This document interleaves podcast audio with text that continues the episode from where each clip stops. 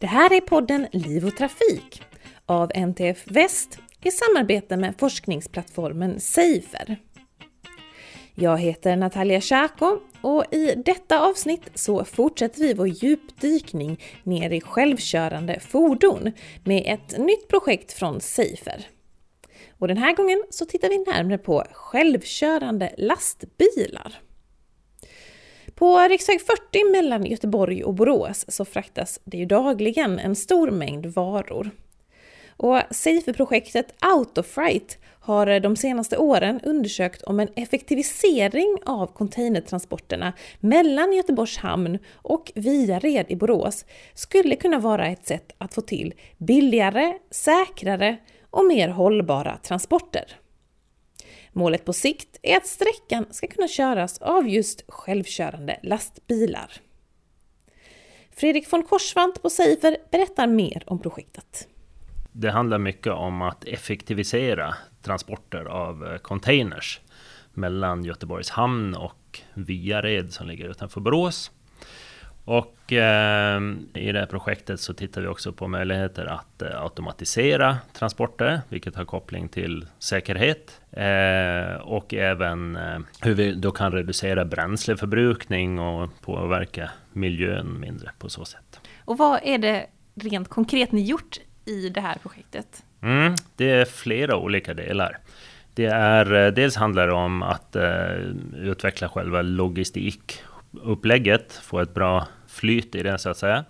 Och där använder vi då eh, lastbil som istället för en trailer så drar den två trailers då. Så på så sätt kan vi få ner bränsleförbrukningen och koldioxidutsläppen ganska mycket. Om man kör eh, en dragbil för varje trailer så att säga så har man ju en dieselmotor per container man fraktar då. Men här så använder vi en och samma motor för två stora containers då. Så på så sätt så kan man då få ner bränsleförbrukningen ganska mycket. Vi pratar om ja, 20 till 30 procent kanske. Vilket då får motsvarande positiv effekt på koldioxidutsläppen också. Men finns det några risker med att köra, ha två containers? Ja, det var ju en sån sak som vi ville titta närmare på då, just för att det blir ett längre ekipage också då. Så studera hur Eh, bilister och andra trafikanter eh, så att säga upplever och, och, och eh, det här ekipaget och agerar i trafiken runt omkring det också vid omkörningar och så. Men där har vi väl sett att, att det är inte någon större, någon större skillnad egentligen då. Man upplever inte den här som så väldigt lång ändå när man, när man kör om den till exempel. Okej. Och det är ingen skillnad för föraren heller? Ja, det är viss skillnad för föraren. För att den, den, är ju, den tar ju lite längre tid på sig för att göra filbyten till exempel. Och man behöver planera körningen på lite annat sätt då. Och det är ju någonting som vi också tar in som intressant information när man ska automatisera sådana här system, hur man då planerar men jag vet att den här lastbilen då som kört på riksväg 40, det är ju den här stora lastbilen med, eller lastbilen med två containers. Yes. Men jag vet att ni också har testat en annan typ av lastbil i, ett mer kontroller, i en mer kontrollerad miljö. Vad har ni gjort där? Eh, ja, men det stämmer. Vi, vi, har ju som du sa den bilen som rullar på riksväg 40 och sen har vi då en likadan lastbil kan man säga då, så, som vi eh, har eh, framförallt kopplat till eh, labbet här på Chalmers då. Eh, och där vi har möjlighet då att eh, koppla ihop två sådana här trailers och så har vi kört eh, prov på till exempel provbanan Asta Zero då. Vi har också jobbat konkret med automatisering av körning i olika situationer, till exempel eh, filbyten och korsningar och rondeller och sådana saker.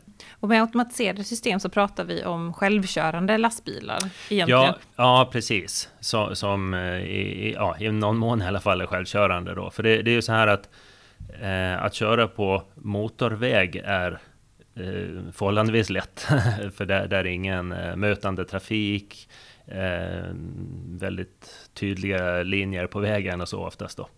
Eh, det som är svårare det är ju när man då ska ta sig till motorvägen, kanske då rondeller och, eh, och korsningar av olika slag och en massa andra trafikanter som korsar mm. vägen så att säga. Då. Men när tror du att de här, den här typen av liksom, stora självkörande lastbilar kan bli verklighet? Mm, det är en jättebra fråga som eh, inte är så jättelätt att svara på. Eh, som jag sa tidigare så tror jag att eh, om, om, man ser till motorvägskörning till exempel så kan man automatisera det. Och det, det kan man nästan göra ganska mm, ja, självkörande redan i, i nuläget. Då. Eh, det som är lite kruxet är ju just hur man då tar sig till och från motorvägen. Och eh, sen ska man också komma ihåg att Eh, de här förarna som, som kör lastbilen idag, de gör ju mycket mer än att de bara kör bilen. Eh, det handlar om att koppla isär och koppla ihop den här kombinationen av, av trailers och dragbil. Det handlar om eh, transportdokumentation, hålla reda på vilka containers som man har med och sådana saker. Så det, ska man då kunna ta bort föraren ifrån transporten så, så måste man ju liksom tänka på alla de här bitarna då. Finns det några särskilda olyckor som man tänker sig att man kan undvika, som man redan nu kan säga att man kan, kommer att undvika med självkörande bilar, eller självkörande lastbilar? Eh, ja, svårt att säga någon speciell typ. Så. Det, det skulle väl vara då till exempel att, att föraren somnar och sådana saker. För det, det, ska man ju kunna undvika kan man tycka i alla fall då. Det, det, det, är ju så att man hela tiden försöker verifiera och, och, säkerställa att de här systemen inte ska leda till någon olycka då. Men, men precis som en mänsklig förare så kan ju ett sånt här system ändå tolka sin omgivning fel då. Mm. Ja, för jag vet att när vi pratade på telefon för ett tag sedan så berättade mm. du att man eh, tränade ett system. Um, jag tänkte om du kunde utveckla det lite mer, vad det innebär att träna ett system ja, um, om man ska försöka förenkla lite, man, man, kan väl jämföra lite med hur, hur man lär små barn uh, att känna igen saker. Uh, ofta så kanske man Eh, har en pekbok då med bilder på olika djur eller bilar eller så här då. Och så pekar man på eh, ett djur och så säger man det här är en tiger. Och så när man har liksom sett några olika bilder på tigrar i olika eh, sammanhang så, så kan det här barnet då lära sig liksom känna igen vad, vad en tiger eh, är för någonting då. Och eh, på liknande sätt så gör man då med sån här AI AI-system då. Att man helt enkelt så att säga visar systemet en stort antal bilder då på till exempel bilar eller fotgängare eller vad man nu vill att det ska känna igen då. Och när, och när vet man, om man, när man att man har tillräckligt med information för att man ska klara sig? Nej, det är ju det man aldrig riktigt vet kanske då. Eh, för att eh, man kan väl säga så här att det, det, är, det är inte alls omöjligt att göra en lastbil eller en personbil som man kan visa att den faktiskt fungerar ganska bra självkörande i trafiken. Det som är svårt är ju att verifiera att ett sånt här fordon alltid är säkert, att det alltid agerar rätt. Och finns det då minsta sannolikhet att, att det kanske inte ska göra det någon gång, då eh, är det ju så att om man då tillverkar 10 miljoner sådana bilar så kommer det att hända olyckor, liksom rent statistiskt sett. Då. Så det är just den här verifieringen som är väldigt svår och hur man då ska både utifrån eh, ja, rent tekniska normer men också etiska och så vidare då mm, klarifiera vad, som är säkert. Liksom. Vad är tillräckligt säkert? Eh, jag tror det kommer att ta lite längre tid än vad man först trodde också innan man ser helt automatiserade fordon på, på vägarna då. Men det finns ju många andra, eller det finns många steg att ta på vägen här. Till exempel så, så kan man ju utveckla mycket bättre förarstödssystem då med hjälp av den här kunskapen. Mm. Till exempel då för att hjälpa till vid eh, omkörningar eller i kritiska situationer där det finns eh, cyklister som korsar vägen och sådana här saker. Hur ser man till att, det inte, att de inte har någon liksom bias eller någon fördom mot en viss typ av människor eller mm. en viss typ av ja, situationer? Det, det, är en jättebra fråga och där, där har man ju, alltså AI-forskning generellt har ju, har ju visat att det är väldigt lätt att man får en sån bias som är då ja, medveten eller omedveten då. Eh, och det gäller ju att man då tänker på det när man tränar de här systemen så att man verkligen får med alla olika aspekter av eh, ja, till exempel hur bilar ser ut eller hur människor ser ut eller hur människor är klädda eller ja, det är massor av saker som kan spela in då. Mm. Vad skulle det kunna vara för typ av bias som man redan nu har sett då att det kan, att, kan bli svårt för de här, eh, eller kan vara liksom något som de här systemen lär sig fel? Eh, det finns väl många olika exempel på det och det, det enklaste fall så, så kan det vara liksom att man eh, tränar bara på eh, bilar med vissa färger eller något sånt där och så, så får man liksom luckor där. Men det, det är ju hyfsat basic då. Så, men, men sen kan det ju vara Eh, annan forskning i alla fall, kanske inte direkt relaterat till bilar då. Där har man ju sett till exempel att eh, människors hudfärg eh, kan vara en sån faktor som, som man har missat liksom och bara tränat på, på vita personer och därför eh, har svårare att känna igen eh, personer med annan hudfärg då. Eh, och det är ju sånt som man måste eh, liksom ta med i, i upplägget för när man gör en sån här träning av systemen. Exempelvis har ju försöker man få med eh, vad heter det på svenska? Gender equality. Eh, jämställdhet. Jämställdhet yeah. på svenska, precis. Nej, men så att man tänker på det i själva, eh, både hur man utformar teknik och produkter, men också hur man utformar själva forskningsstudien då, så att man ställer frågor på ett sätt så att man fångar upp sådana saker och inte bara går i, i traditionella hjulspår så att säga då. Och det har man gjort i det här projektet? Vi försöker göra ja. det i alla fall. Eh, på vilket sätt? På, på, vilket sätt har man gjort det?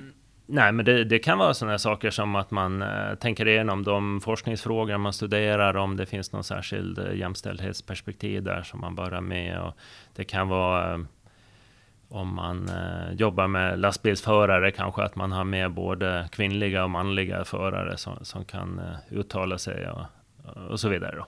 Eh, när man tänker sig självkörande lastbilar så tänker man ju att de personer som idag jobbar med att köra dem mm. eh, kommer bli ja, överflödiga. Mm. Kommer människor behövas för att se till att det här fungerar som det ska? Mm.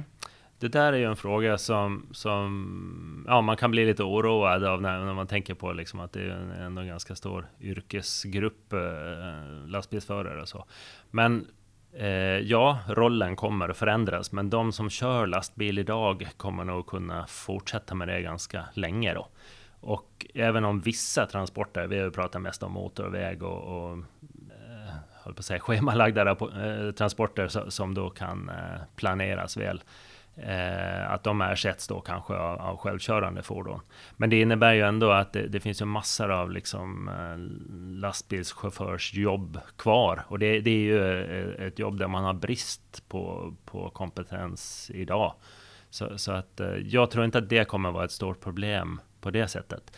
Däremot så kommer det att växa fram nya roller och nya typer av jobb. Men, men det, jag tror det kommer, det löser sig över tid så att säga. Då.